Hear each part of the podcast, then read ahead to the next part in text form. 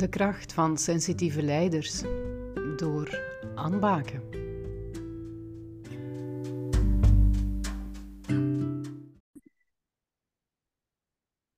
Marleen, goedemiddag. Heel fijn uh, dat je bij mij kan zijn, dat we het interview hier samen doen. Jij bent uh, hoofd van externe communicatie en reputatie bij Elia Groep. Wat houdt dat juist in? Ik ben eigenlijk verantwoordelijk voor de algemene reputatie van de onderneming. En dat mhm. uit zich in alle publicaties, alle externe evenementen, alle contacten met de pers, contacten met de stakeholders, waar wij informeren over onze business, waar we mee bezig zijn en waar we eigenlijk een soort van buy-in proberen te creëren bij die stakeholders om onze strategie te kunnen uitvoeren. Ja, oké. Ja, een zeer boeiende job, hè, de stakeholders meekrijgen. Heel boeiend en een hele boeiende sector. Het is een sector in een uh, immense transitie. Dus ik werk hier nu zes jaar en ik heb het gevoel dat ik elk jaar voor een ander bedrijf werk. Er zit heel veel dynamiek in. Je zou denken een transmissienetbeheerder. In het verleden was dat zo'n beetje de beheerder van de infrastructuur. Mhm. Maar door die uh, integratie van hernieuwbare energie, doordat we meer in een Europese context gaan werken, is het bijzonder boeiend en bijzonder actueel. Als je nu ook ziet met de oorlog in Oekraïne, hè, wat de impact direct is op, uh, op prijzen, op verbruik. Uh, zie je wel dat elektriciteit ja, een, een, basisbehoefte is van een maatschappij die heel veel welvaart brengt. Ja, absoluut. Het is niet te onderschatten. Hè? Ja, dus er zit een hele sterke maatschappelijke opdracht in. Ja, en dat vind jij heel fijn, dat weet ik. Hè. Dat weet ik nog van toen dat je bij mij kwam in coaching. Dat is iets uh, ja, waar, waar jouw roeping ook uh, ligt. Hè. Dus dat is ook zo geweldig om daar dan rond te kunnen werken. Toen dat jij bij mij kwam voor de coaching, dan zat je mij een aantal um, vragen of zaken waar dat je rond wou werken. Kan je misschien even duiden wat dat, dat dan was? Ja, ik zie mezelf eigenlijk eerder als een expert. En ik ben altijd in managersposities beland zonder daar eigenlijk zelf de ambitie voor te hebben. Ja. En als je natuurlijk vanuit een expertervaring manager wordt, ja, dan moet je dan word je voor een stukje ook met jouw limieten uh, geconfronteerd. En mijn limiet was dat ik mm, vond van mezelf dat ik misschien niet de, de goede people manager was. Mhm. ik, heb, ik ben twee keer in een situatie beland waar de verantwoordelijke een plaats moest ruimen en waar ik op die positie ben gezet geweest. Terwijl die, die persoon die dan eigenlijk ja, plaats moest maken voor mij in het team bleef. En ik ben er twee keer niet in geslaagd om die persoon in het team te houden. Dat is natuurlijk niet fijn hè, als je gedegradeerd wordt, bij manier van spreken. Maar ik ben er niet geslaagd om die persoon toch gemotiveerd te krijgen, om toch de moeite te vinden om te werken. En op die manier ja, verlaten ook wel een beetje know-how, het bedrijf. En, en, was dat ook een verlies voor, voor de onderneming. En dus vond ik van mezelf, dat is nu al twee keer dat mij dat overkomen is, ik vind van mezelf niet dat ik een optimale people management, wel, hè, ik geef richting aan de medewerkers en, en ze weten waar ik voor sta en ik probeer de lat hoog te leggen en ze daarin mee te krijgen. Maar zijn ze ook wel gelukkig met mij als manager en durven ze mij dat zeggen? Ja. Dus daar wil ik vooral op werken. Oké, en wat zijn dan de elementen, weet je dan nog, ja, die dat we er zo uitgehaald hebben, van daar kan het mogelijk wel aan liggen en daar zou het interessant zijn om, om daarom te werken? Wel, voor mij was het was een eye-opener. Het is niet omdat ik het in mijn hoofd heb en omdat ik het één keer heb gezegd, dat iedereen eigenlijk ook wel begrijpt waar, waarover het gaat. Mhm. Ik ben iemand die vrij snel en vrij creatief is in, in de manier van aanpak. Ik ben geen grote planner, hè, die, die alles al perfect een jaar op voorhand uh, de, de communicatieagenda vastlegt. Ik heb ankerpunten waar ik rond werk, maar ik kijk vooral eigenlijk naar de dynamiek die er is in de maatschappij, reageren op zaken die gebeuren, uh, opportuniteiten zien. Mm. En um, sommige mensen hebben nood aan die houvast. En andere mensen worden daar ambetant van, hè, omdat, omdat ze te veel op, op voorhand weten wat de job gaat zijn. Dus die hebben die dynamiek nodig. Dus eigenlijk om een, een, team, een team te bouwen waar je zowel mensen hebt die een vaste structuur nodig hebben, en dan andere mensen, bijvoorbeeld onze woordvoerders, er komt heel veel op hen af elke dag. Je weet nooit s morgens wat er s'avonds gaat gebeuren om eigenlijk dat soort van types mensen te gaan uh, managen in, uh, in één groep. Ja. En de manier waarop ik daar eigenlijk in geslaagd ben, is gewoon om zeer open te zijn. Zeer open, ook over mijn eigen beperkingen. Mm -hmm. um, heel vaak feedback te vragen van wat kan het beter, maar ook heel snel feedback te geven. In het begin was dat confronterend voor bepaalde mensen, omdat ze zich dan snel aangevallen voelden. Mhm. Maar ik denk dat we nu, ik denk dat we ongeveer een jaar of vier, vijf met het team aan het werken zijn. Er zijn ook nieuwe mensen bijgekomen. Dat we op vandaag, dat ik zo als manager de eerste keer het gevoel heb, na zes jaar dat ik hier ben, dat ik echt een team heb waar ik kan op bouwen. En dat geeft mij ook wel energie. Ja, schitterend. Ja, ik weet nog dat we toen zijn vertrokken van uh, hoe dat jij inderdaad naar jezelf keek. Um, je vond het op dat moment moeilijk om jezelf als, als een snelle, slimme denker te zien. Als iemand die dat eigenlijk wel vaak een aantal stappen vooruit loopt. En je was eigenlijk vooral naar jezelf aan het kijken van, ja, wat doe ik hier niet goed? Hoe komt dat nu dat die mensen niet blijven of dat ze niet tevreden zijn? Dat heeft wel eventjes, hè, daar hebben we rond moeten werken voordat je dat voor jezelf uh, durfde toegeven. Herinner je je nog wat dat er daar juist... Ja, en ik denk dat dat met mijn verleden te maken heeft, omdat ik, um, ik ben vrij sociaal, maar toch zien mensen mij soms als een vreemde eend in de bijt. Dus ik, als ik met mijn vriendinnen bijvoorbeeld vroeger op stap was of ging, dan hoorde ik daar wel bij, maar ik was zo altijd toch wel een outsider, omdat ik over bepaalde dingen anders dacht. En jij hebt mij het inzicht gegeven van ja, misschien ben je voor bepaalde aspecten ehm, ja, ben je intelligenter dan andere mensen. Mm. En ik had nog nooit naar mezelf zo gekeken. Ik vind mezelf niet dom, maar ook niet super slim. Ik was niet de slimste van de klas, ik was zo de goede middelmaat. Maar ik was wel met van alles en nog wat bezig.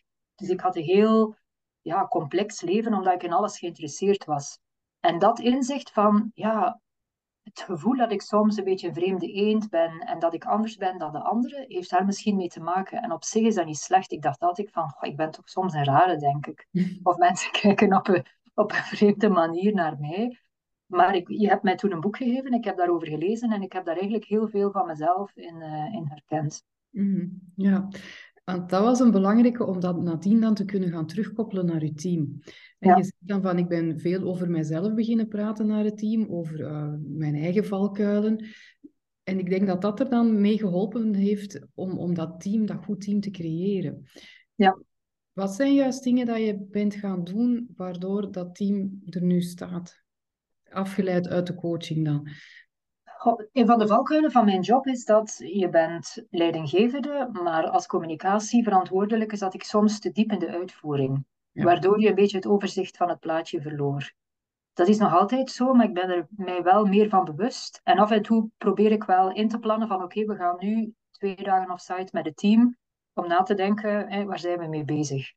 Door corona was dat moeilijker, na corona heb ik daar echt werk van gemaakt. Dus in september ben ik met het Belgische team uh, op, uh, op weekend geweest. We hebben eind december met het internationale team samengewerkt. En ik heb daar een ongelooflijke dynamiek gezien.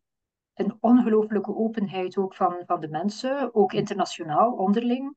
Um, soms gebruik ik een beetje, ik zal niet zeggen shocktherapie, maar ik kan vrij heel direct zijn. Dat ik er soms zeg van, oei, was dat wel verstandig, maar ik merk wel dat dat wel effect heeft aan mensen, dat het mensen tot nadenken zet. En wat, waar ik zeker van ben, is dat mijn team weet dat ik niet iemand met een dubbele agenda ben. Dat ik heel direct ben, heel eerlijk. En als er op aankomt dat iemand ondersteuning nodig heeft, omdat er bijvoorbeeld thuis um, problemen zijn, dat ik daar ook heel menselijk kan in zijn. Ja. En ik denk dat dat een hele die open sfeer, dat dat mensen op hun gemak stelt. Ze kunnen zijn wie ze zijn in hun diversiteit. Mm. En je merkt ook onderling dat er heel respectvol met elkaar wordt omgegaan. Natuurlijk, als manager sta je er altijd wat buiten. Hè. Ze, gaan niet, ze gaan jou toch een beetje anders zien dan, dan de andere uh, teamleden. Je merkt daar toch wel een klein beetje afstand, hoewel uh, je probeert deel uit te maken van, van de groep. Maar ik, ik zie wel een enorme evolutie daarin. Ja. ja, ik denk dat de sleutel daar geweest is dat jij jezelf bent gaan aanvaarden als anders en dat het daardoor ook makkelijker was voor anderen om gewoon zichzelf te zijn. Omdat jij nu jezelf dat ook toelaat. Dat dat oké is. Dat je zegt wie dat je bent, ze weten wat dat ze aan jou hebben. En op die manier stroomt dat eigenlijk verder door in jouw team. Dat is wel... Ja. Ja. En ik, ben, ja, ik heb een aantal sterke mensen ook kunnen binnenhalen in het team. Die, um, ja, die ook voor een, een, een leuke dynamiek zorgen. Mm Ja, oké. En wat, wat is juist de nieuwe dynamiek dat je hebt opgezocht? via de mensen dat je binnengaat? Ja, mensen heel hands-on, ehm, die echt de extra mile willen gaan. Mhm. Ook ehm, ja, internationale mensen binnengebracht binnen het team. Dus ik heb een native speaker English. Mhm. Eh, ik zit met Franstaligen, Nederlandstaligen. eh, dus als je een teammeeting bij ons bijwoont, wij beginnen in het Frans, wij schakelen over naar het Engels, dan een stukje Nederlands. En dat, dat gaat allemaal door elkaar. En eigenlijk zijn we ons daar niet meer van bewust. Het is pas als er een stagiaire bijvoorbeeld komt en die, die maakt zo'n teammeeting mee, dat die dan zegt tegen mij van, amai, dat, jullie hebben zo een, Ja. een speciale manier van, van communiceren met elkaar.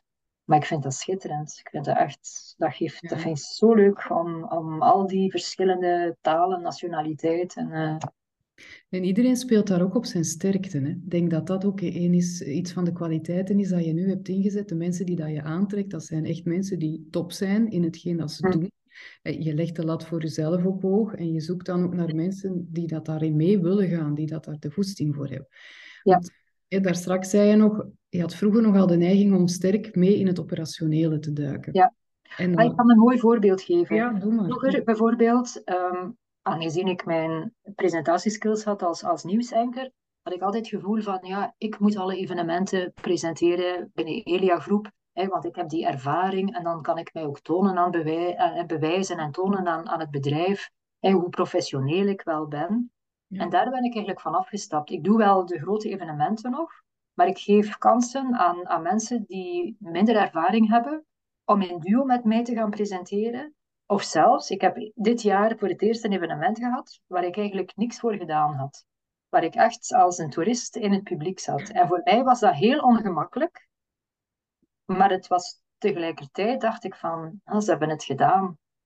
En ik zei het ook van, ik heb hier niks voor gedaan. En ze zeiden, nee Marleen, dat is niet waar. Want als er iets was, we gewoon het feit dat jij er bent, mocht er een probleem zijn, dat we weten, we kunnen naar Marleen gaan, dat geeft zo'n goed gevoel voor ons. Mhm. En ik vond dat zo van, ah ja, eigenlijk, zo had ik het nog niet bekeken. Ja, dat is echt het compliment, hè? Dat is de Ja. kers op de taart. Want vroeger had je de neiging, dat weet ik nog, om, om zelf dingen te gaan verbeteren, eh, Ja. hè, tot, tot daar aan toe.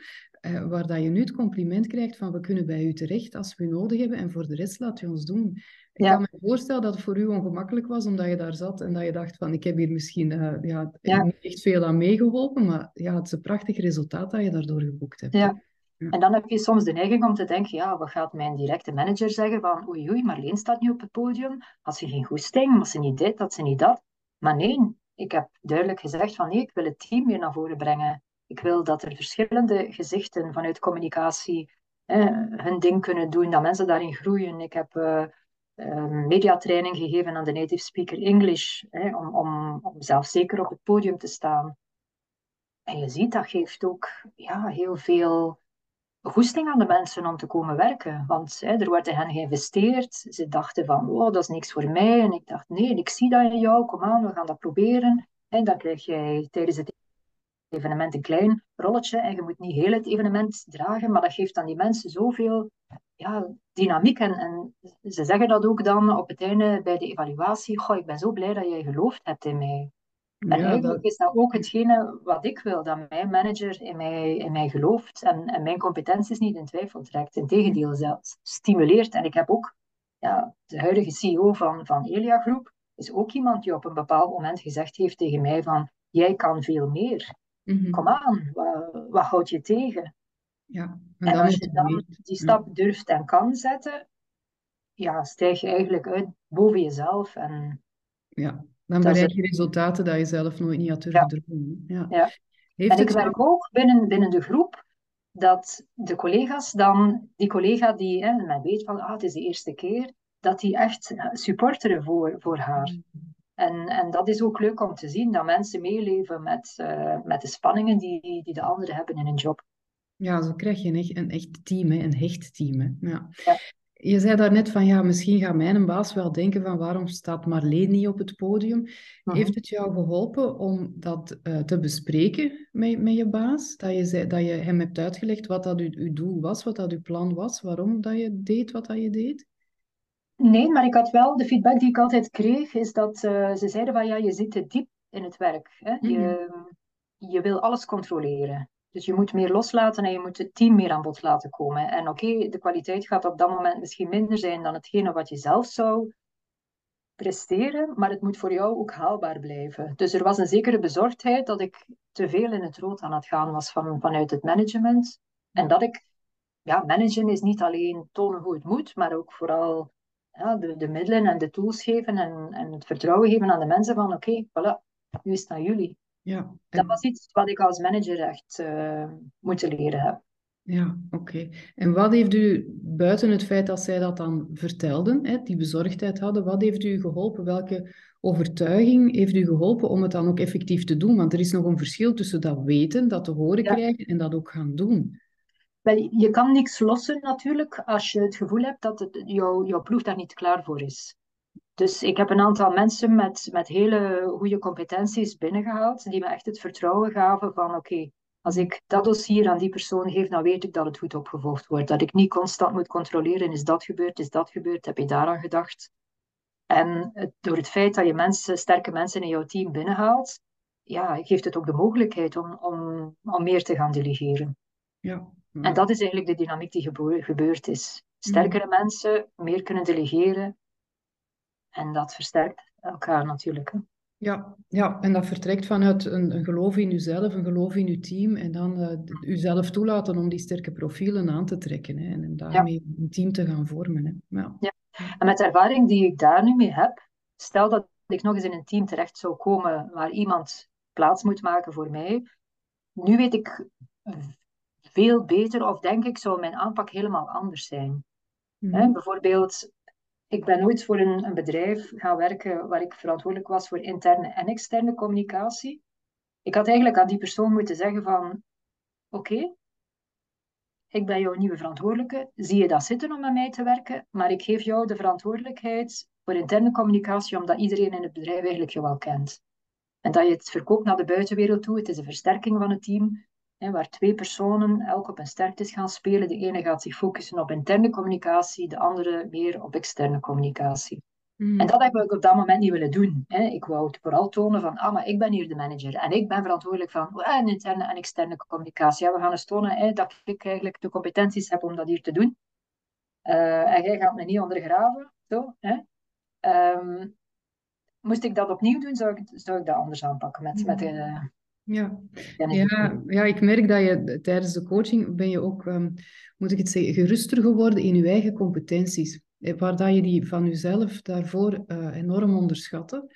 En ik denk, doordat je er geruster in bent geworden, dat je dan bijvoorbeeld, zoals dat je het nu zegt, iemand anders in, in zo'n rol kan plaatsen. En dat je minder die, die bewijsdrang hebt. Ja, ik dat dat bewijsdrang, dat is inderdaad het kernwoord. ik dat heb losgelaten omdat ja, je, je, hoeft je als manager niet constant persoonlijk te bewijzen. Het is het resultaat van jouw team dat telt. Ja. En je moet durven loslaten en je moet durven je collega's ook in de spotlight zetten. En dat wil daarom niet zeggen dat dat minder op je afstraalt. Je hebt altijd schrik van ja, hè, als, als iemand anders binnen het team hè, uh, te veel in de kijker loopt, ja, dan gaan ze misschien denken van ah, moet die misschien niet de manager worden? Mhm. Hè? Maar wat doet die daar eigenlijk nog? Hè, we zijn daar zo weinig.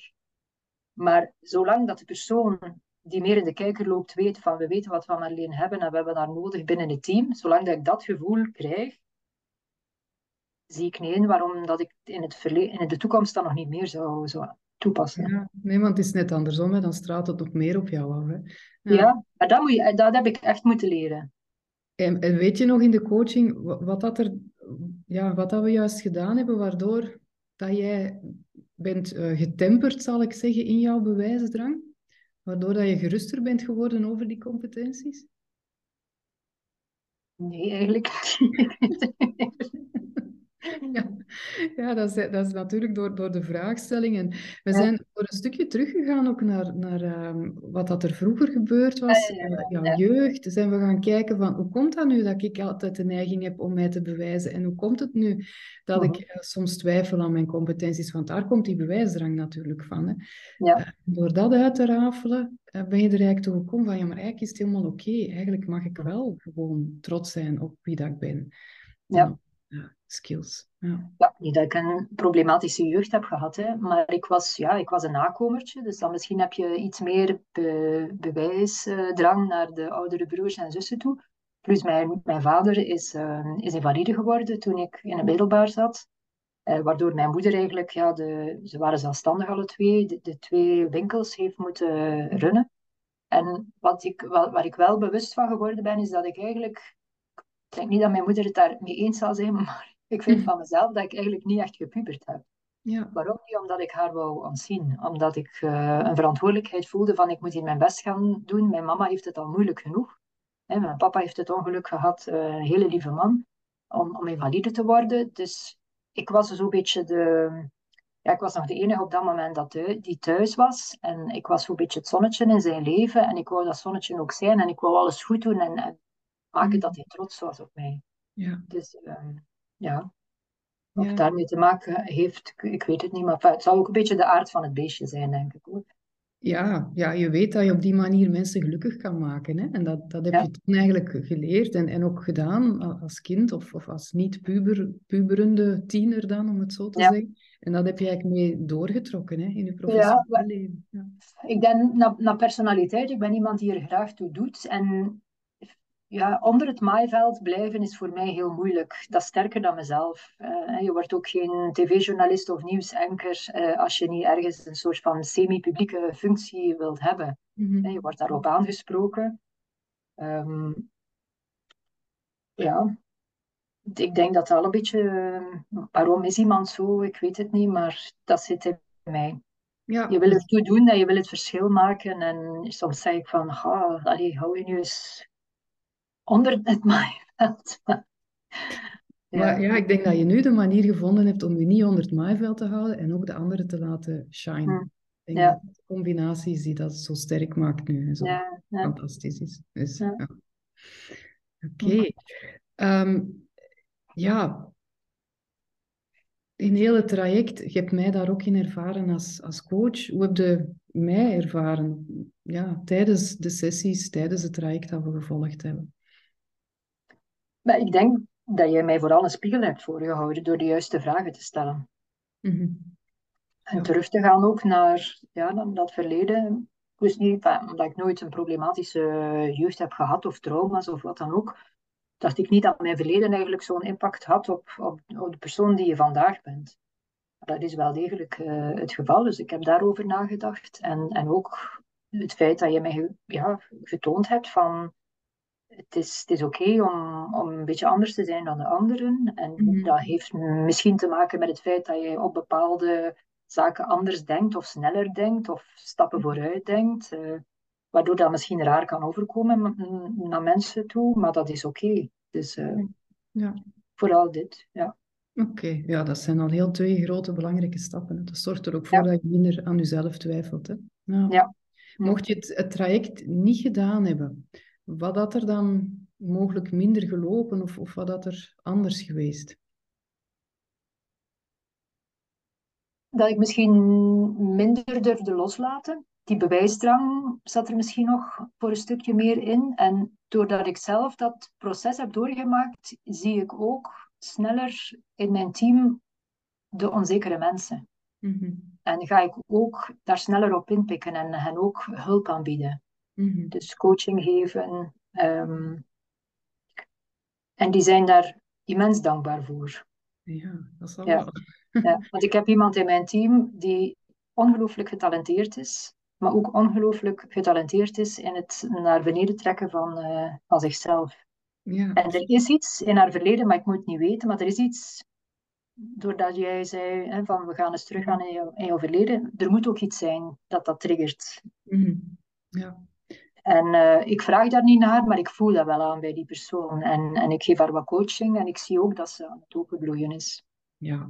Ik denk dat dat zo belangrijk is dat, eh, dat managers of, of leiders een persoonlijk proces doormaken, zoals hè, dat jij ook doorgemaakt hebt bij mij, om dan het inderdaad te kunnen zien bij hun eigen teamleden. En je moet niet het, het kleinste detail weten van wat dat er vroeger gebeurd is, maar zoals dat ik jou hoor zeggen, je voelt het aan wat dat er speelt en daar kan je mee verder en daardoor kan je die mensen ja, naar een Mhm. hoger niveau tillen. Hè. Dat is zo, Ja.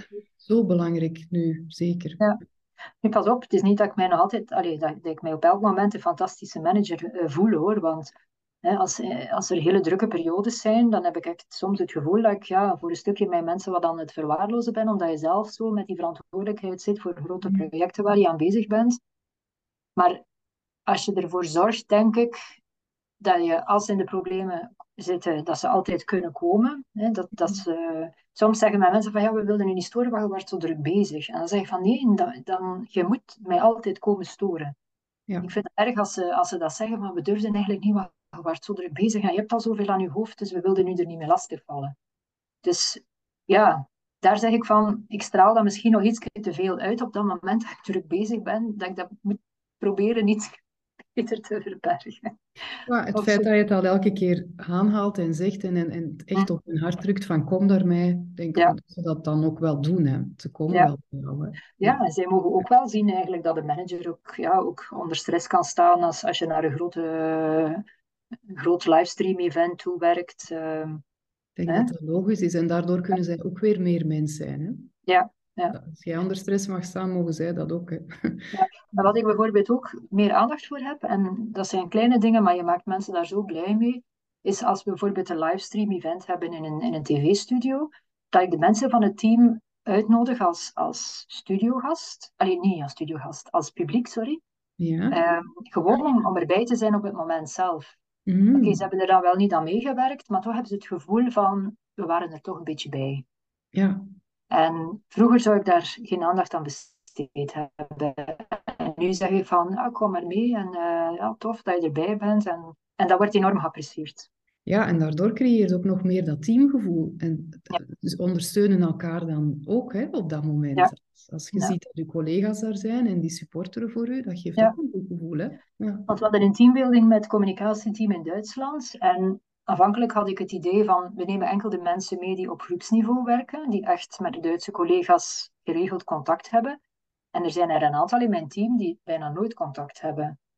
En uiteindelijk heb ik gezegd, nee, ik ga ze allemaal meenemen. Want hoe komt dat over als zeven collega's naar Duitsland vertrekken voor een teambuilding en er moeten er hier drie, drie dagen alleen komen werken? Mm. Zie je? En dan dacht ik van, wat voor moeite is dat nu eigenlijk? Alleen na al die jaren COVID, om eens drie medewerkers extra mee te werken aan, aan dat Duitsland. We hebben niks van teambuildings of uh, we hebben niks van onze successen gevierd.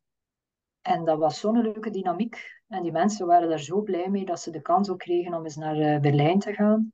Ja, en ja, dat motiveert. Ja, dat denk ik wel. Het feit dat je daar ook voor hebt, dat je op dat menselijke enorm speelt, dat zal zeker uh, ja. in veel dankbaarheid uh, ontvangen worden door het team. Ja. Vroeger zou ik eerder gedacht hebben, wel, nee, die werkt in Duitsland, dus die gaat niet mee. Het is alleen voor hey, mensen in groepsfuncties. Mm -hmm. Terwijl soms ja, moet, je, moet je een beetje verder kijken en zeggen van ja, hoe komt dat dan over? Hoe zou ik, hoe zou ik mij voelen als ik hier moet achterblijven? Ja. want uiteindelijk die, die mensen maken ook deel uit van het team, zijn ook een schakel in het geheel. Ja, ja je bent ook echt enorm op, op dat menselijke aspect aan het spelen nu. Hè? Allee, dat is een, Ja. een heel belangrijke. Hè? Ja.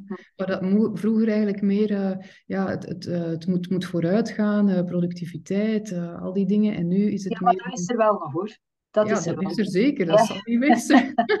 Daar twijfel ik niet aan. Ik sta er wel op dat deadlines worden gehaald, Mm. omdat ja, dat geeft ook dynamiek aan het team. Hè. Ja, het andere mag er nu ook zijn. Ja, ja, en ik zeg ook nu bewust bijvoorbeeld aan de mensen van eh, in, de, in de zomervakantie is het iets rustiger. Dan zeg ik ook van neem nu de tijd om met je familie samen te zijn en, en rust te nemen, want het najaar hè, zal weer druk zijn en maak dat je dan uitgerust bent. En dat appreciëren ze ook wel. Dus Ja. ook in de kerstvakantie is zo'n kalmere periode. Dus dan zeg ik van oké, neem je vakantiedagen op. Hè, nu is het tijd voor rust. En dan in januari vliegen we er terug in. En dat geeft ook zo wat, ja, ik doe dat zelf ook. Je hebt dat nodig, anders hou je dat tempo niet vol. Nee, je kunt niet een heel jaar door op datzelfde tempo Nee, blijven werken. Nee. Dat is niet Ja. Ja. In verband met die menselijkheid, omdat we daar nu toch over bezig zijn, heb je daar rond ehm, ja, misschien nog, nog een, een, een tip of, of een advies dat je wil meegeven aan eh, managers die ja, vooral gefocust zijn op het, het moet vooruitgaan, eh, die productiviteit, op, op die deadlines, wat dat bij Mhm. jou zeker ook het geval is, maar waardoor dat ze dat toch ja, op een of andere manier wat meer kunnen integreren, dat dat een en-en verhaal kan worden? Oh, uh, je moet natuurlijk, allez, leuke mensen hebben in jouw team om een leuke dynamiek te creëren. Hè. Moest ik hier zo een bende negativisten en uh, mensen die er de kantjes van aflopen, zou mij dat enorm enerveren. Dus ik ben erin geslaagd om een team rond mij te bouwen die mee wil gaan in de dynamiek, in de diversiteit die ze, die ze hebben. Maar er wordt niet geklaagd, er wordt niet geroddeld. Um, en dat is voor mij belangrijk. En als, als, ik heb zo ja, één medewerker die zo dikwijls met, met problemen komt. En dan zeg ik altijd van, oké, wat is nu de oplossing volgens jou?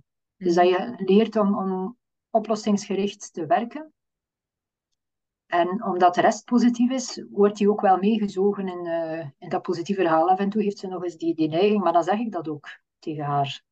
Um, je moet niet altijd met problemen komen naar mij. Je moet met oplossingen komen. Ik zeg, problemen geven, geven mij als manager geen energie. Dus uh, ik zeg dat ook zo. Ook zo, uh, ja. ja. Daar straks zei je ook dat er een, en nu nog een keer, dat er een enorme openheid is bij jullie in het team, dat er over heel veel kan gepraat worden, dat mensen ook gewoon zichzelf kunnen zijn en, en ook zijn. Wat, wat doe je daar specifiek voor om dat te creëren? Ik denk dat ik over mijn eigen beperkingen durf spreken. Ik weet wat mijn kleine kantjes zijn, dat je daarmee ja, durft lachen zo. Um, en ook ja, dat ik uit mijn persoonlijke leven vaak dingen vertel. Dus uh, ik zit natuurlijk in de bijzondere situatie dat ik uh, een relatie heb met de, met de CEO. We zijn ook getrouwd, maar ik neem mijn team daar ook in mee in het toeleven naar die trouw. Ik vertel daar dingen over, ik vertel soms dingen uit ons privéleven. Allee, niet, de, niet de grote dingen natuurlijk, maar ja. ja, dat is ook zien dat je een, een, een, mens bent. En ik moet zeggen, in de periode dat ik uh, gescheiden ben, um, heb ik een ongelooflijk mooie kaart gekregen en bloemen van mijn team op het moment dat ik aan het verhuizen was. En dan dacht ik van, allee, die zijn daar ook mee bezig. En dat was voor mij ook zo, ja, ik had dat niet verwacht, dat ze mij eigenlijk op dat moment, dat ze bezorgd waren om mij. Ik herinner mij dat, dat je daar zo van aangedaan wordt. Ja, ja, ja. ja. Dus dat was wel heel fijn dat je het gevoel had van, amai, die leven met mij mee. Uh, ja. En toen heb jij ook een klik gemaakt, hè? Dan is het bij ja. gebeurd. Ja. ja, ja. Dat heeft er ook voor gezorgd dat je zei van, als ah, ze leven daar zo mee mee, ik ga ze meer betrekken bij wie dat ik ben als persoon. Ja, dat is, dat is waar. Dat, is, ja. dat hebben we toen ook besproken. Ja. ja. Ja, kijk, mensen maken dingen mee in hun leven, waardoor dat je meer mens wordt. Hè? Dus dat is eigenlijk wel een heel mooie evolutie. Oké, dank u wel voor een heel super fijn en boeiend interview. Heel menselijk interview ook. Er gaan zeker veel mensen veel aan hebben. En uh, ja, heel veel succes nog verder met wat dat jullie daar allemaal aan het doen zijn. Hè. Dus fantastisch. Wil je net als de CEO's en senior leiders van deze podcast sensitieve strategieën voor sterk leiderschap inzetten? Wil je effectievere relaties met stakeholders? Waardoor je anderen makkelijker meekrijgt en ook meer gewaardeerd wordt als leider. Waardoor je dan uiteindelijk jouw organisatie of afdeling eenvoudiger naar duurzame successen kan leiden. Als je dat ook wil, ga dan met mij in gesprek en vraag een strategiesessie aan via naturalleadership.be.